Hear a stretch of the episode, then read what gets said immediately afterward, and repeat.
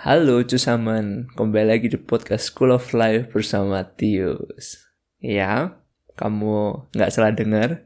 Podcast kali ini kedengaran beda banget dari podcast-podcast sebelumnya. Karena, you know what? I got a new microphone. Yay! Ya, aku seneng banget aku dapat micro baru dan suaranya bagus. I like it so much. Perlu diedit sih. Kalian ini denger yang udah diedit But whatever. Oke, okay, kali ini aku mau bahas tentang bagaimana menghadapi cibiran orang tentang kita, tentang hidup kita, tentang pekerjaan kita, tentang family kita, istri kita, anak kita, apa pun itu.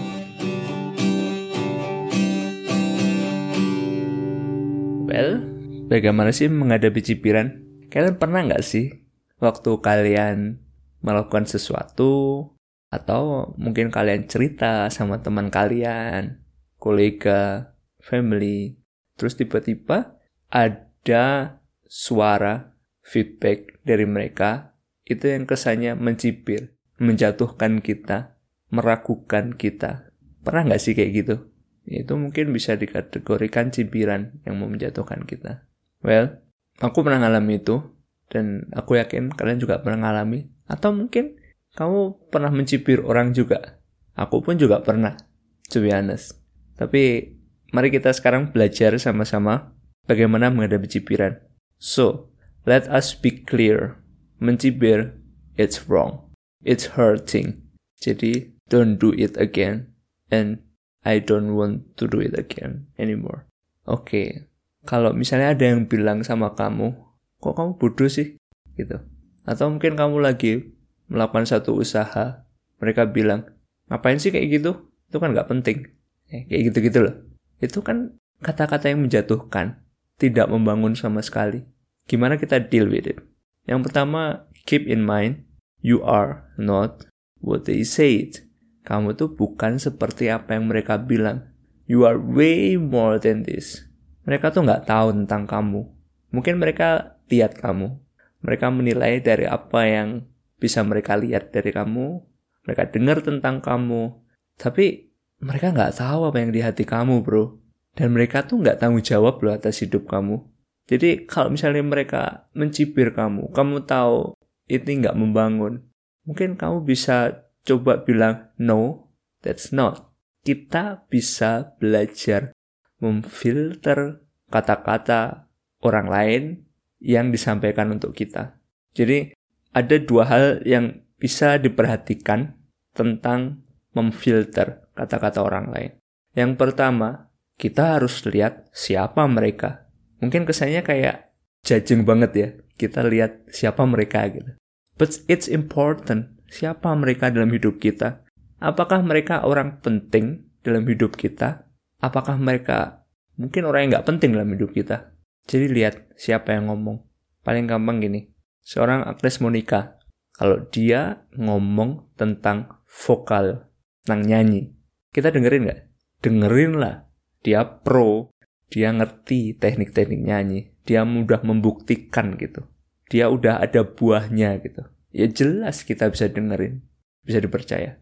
Tapi kalau seorang pengacara, dia nggak bakat nyanyi, terus dia ngomong tentang gimana cara kita nyanyi, itu kan nggak masuk gitu loh. Buat apa kita dengerin? Ngerti nggak sih? Jadi kita harus lihat siapa mereka. Siapa mereka dalam hidup kita, penting atau enggak, dan apa sih prestasi mereka. Jadi kalau kau mau tahu pohon, itu lihat dari buahnya. Kalau pohon itu ngeluarin buah mangga, ya dia pohon mangga. Kalau pohon itu ngeluarin buah durian, dia buah durian. Jadi kita harus lihat. Kesannya judge orang lain tapi it's important. Tapi sebenarnya kita nggak ngejudge sih. Karena kita nggak bilang kamu kamu itu gitu kamu itu tuh nggak. Itu cuma buat kita memfilter kata-kata mereka buat hidup kita. Yang kedua belajar untuk memisahkan hal yang membangun hidup kita sama hal yang menjatuhkan hidup kita. Jadi kalau ada orang bilang tentang kita kita harus lihat nih ini bangun nggak sih? Contoh bilang bro kamu bodoh Berarti kan, membangun nggak? For me, it's absolutely not. dia nggak bangun. Kalau kamu tahu itu tidak membangun, deny it, buang itu. Bilang, kalau kamu nggak bisa bilang sama dia, cumindes, atau at least kamu bilang sama dirimu sendiri, no, I'm not. Kamu bilang, bro kamu bodoh. Enggak, aku nggak bodoh. Mungkin mereka bercanda. Mungkin mereka kesane cuma ngomong gitu doang. Ah, gitu doang marah. Enggak, kamu juga nggak perlu marah kalau bilang gitu. Cuma bilang, no, I'm not. Gitu. Jadi kamu deny, kamu nggak harus masukin ke hati. Kalau kata-kata itu membangun, wah, awesome bro. Kamu bisa kayak gini, hebat. Aku salut. Hargai orang kayak gitu. Hargai kata-kata kayak gitu. Bilang, thank you, I appreciate it. Karena kata-kata itu membangun loh. Ngerti nggak sih? Masalahnya kayak gini. Kalau saat kamu menerima kata-kata negatif, kamu nggak deny itu, dan itu masuk ke hati. At the moment, pada saat itu mungkin kamu merasa nothing happens gitu. Karena kamu masih punya motivasi, kamu mungkin lagi bahagia, tapi kalau kamu nggak deny itu, itu keluar pada saat kamu lemah, saat kamu merasa sendiri, saat kamu nggak ada kekuatan lagi, nggak ada motivasi, merasa sedih mungkin, merasa kecewa mungkin. Kata-kata itu muncul lagi dan itu merongrong hati dan hidup kita. Dan itu tidak membangun sama sekali. Itu malah membuat kita lebih down. Maka dari itu penting untuk memfilter kata-kata orang lain buat kita. Dan aku punya saran, lingkupi sekelilingmu dengan orang-orang yang membangun kamu. Kamu cari pergaulan yang positif buat kamu. Karena setiap kata-kata yang membangun itu nggak cuma menyenangkan hati, tapi juga memberikan kita semangat. Membuat kita juga berpikir positif. Meskipun positive thinking itu nggak selalu positif. Oke, okay? ada saatnya juga kita harus tahu dan menerima kenyataan bahwa sesuatu itu negatif dalam hidup kita. Cuma seenggaknya kita bisa belajar dari mereka, belajar to be positive, belajar untuk menghargai orang lain juga. Karena kalau kita bilang, oh thank you ya, oh appreciate it, itu kan kita belajar menghargai gitu. Demikian pengalaman itu yang sudah kita dibiasakan dalam lingkungan positif, kita pun juga bisa ngomong sama orang lain yang lagi down. Bro, it's okay, it's fine, gitu. Terus hal yang penting lagi itu adalah mengetahui apa yang kamu lakukan. Maksudnya kayak gini, saat kamu mendapatkan cibiran, kamu lagi usaha, anggap aja jualan pulsa. By the way, aku dulu jualan pulsa waktu SMA. Terus tiba-tiba ada orang bilang, Bro, kamu ngapain jualan pulsa kayak gitu? Itu kan gak ada untungnya. Coba nyape-nyapein doang. Oke, Dengerin kata-kata itu. Menurut kalian, itu membangun atau merobohkan? Lepas dari benar apa salah, tapi menurutku itu merobohkan sih. Karena saat kamu baru mulai, saat kamu pengen belajar untuk kerja, dapat kata-kata seperti itu, ngeselin sih. Kayak, ah, oke, okay. kalau kamu nggak hati-hati, kalau kamu nggak filter, kamu bisa jatuh, kamu bisa down, dan ya udah whatever lah aku nggak usah gini buat kamu menyerah gitu itu salah satu contoh yang simple keep doing what you are doing jadi jangan takut untuk tetap melakukan yang kamu lakukan meskipun atau saat orang mencibir kamu. Don't be afraid. Berani lakuin. Karena kamu yang tahu kenapa kamu melakukan itu. Kamu yang tahu motivasi apa yang membuat kamu melakukan itu. Of course aku nggak bilang kalau itu melanggar undang-undang, jualan narkoba, atau yang lain, apa pun itu. Enggak, aku bilang sesuatu yang kamu mau, mungkin nggak harus wajar. Oke, okay? contoh. Saat semua orang bilang informatik, informatik itu jurusan yang paling dicari nanti. Kalau kamu masuk informatik, kamu pasti dapat kerja. Atau insinyur. Kalau ini masalah kuliah lo ya, yang gue bilang sekarang. Jadi insinyur, nanti kamu bisa kerja kamu jadi enak hidupnya. Atau jadi pegawai. Atau kamu jadi bisnismen. Lihat Robert T. Kiyosaki. Jadi investor. Nyewain rumah. Apa pun itu. Yang orang lain katakan. Yang orang anggap normal. Kalau kamu nggak suka. Kamu punya pandangan sendiri tentang hidup kamu. Do it. Selama kamu tahu, kamu pastikan kamu nggak nyesel untuk melakukan itu. Just do it. It's okay. Kamu bilang, aku mau jadi pelukis. Well, pelukis gimana bisa hidup? Kalau orang bilang, kamu mau jadi apa pelukis? Dapat uang berapa? Orang lain bilang gitu. It's okay. It's your passion, bro. Kalau kamu tahu itu yang kamu mau, kamu punya motivasi. That's what I really want. Just do it. Perjuangkan itu. Gak apa-apa kok, gak harus sama kayak orang lain. Karena saat orang mencibir, saat orang lain menertawakan kamu, mereka tuh gak belajar apa-apa.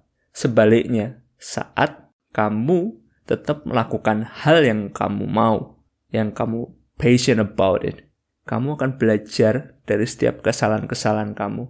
Kamu akan belajar to be better every time. Better, better, and better. Fokus sama apa yang menjadi tujuan hidupmu. Pastikan cibiran itu nggak membuat kamu down. You will fly over it. Ingetin dirimu selalu, kenapa sih kamu melakukan itu? Jangan lupain. Kalau perlu diulang tiap hari. Aku mau jadi pelukis hebat. Aku jadi pelukis. That's what I really want. Karena orang yang fokus atau kalau kita melakukan hal dengan fokus. Itu kalau ibaratnya kayak orang lagi megang kapak dan dia mau potong kayu. Pada awalnya susah, aku pernah nyoba. Kayak gampang ya kalau di TV. Jeglek, patah, jeglek, patah. Jujur itu susah sih. Ngarahin aja loh bisa pas. Itu nggak gampang. Jadi kamu harus angkat kapakmu, kamu fokus, ngepasin, di sini aku mau potong. Kamu hantam, bek, mungkin nggak nggak langsung gitu, karena kamu masih pemula. Atau mungkin bahkan meleset. Angkat lagi, kamu pasin lagi, boom, boom, boom. Setiap kapak yang kamu arahkan, itu kamu menang satu pengalaman. Kalau pengalaman sudah punktenya kayak di game. Siap kami kamu potong, kamu arahkan, kamu naik satu pung, naik satu plus satu plus satu plus satu experience point sampai kamu berhasil melakukan itu keep doing it tapi kamu juga harus merhatiin yang kamu lakukan sesuai nggak dengan apa yang kamu bisa selama ini karena aku yakin kalau kamu punya tujuan hidup kamu dibekali dengan itu jadi you you will have passion about it kalau kamu masih belum ketemu tujuan hidupmu Mungkin kamu bisa dengan podcastku yang sebelum ini atau beberapa episode sebelum ini tentang tujuan hidup. Aku jelasin singkat banget, simple, sesuai apa yang ku tahu doang. Mungkin bisa jadi referensi gitu.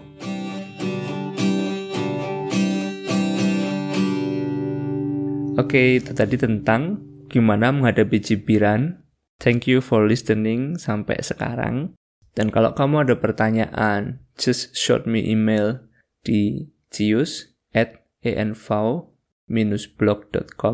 kamu bisa tulis email, kirim pertanyaan apa pun itu, aku seneng banget buat jawab. Dan kalau kalian mau cerita juga pengalaman kalian, kalian bisa share ke aku lewat email, nanti aku sprout it di podcast ini, biar yang lain juga belajar dari pengalaman kamu. Dan kalau kamu suka sama podcast ini, kamu bisa sebarin ke teman-teman, ceritain, Mungkin ini juga jadi berkat buat mereka. We don't know siapa pun itu. Dan I appreciate so much. Oke, okay? kita akan kembali di podcast minggu depan. Dan never forget, you are very blessed. Bye-bye.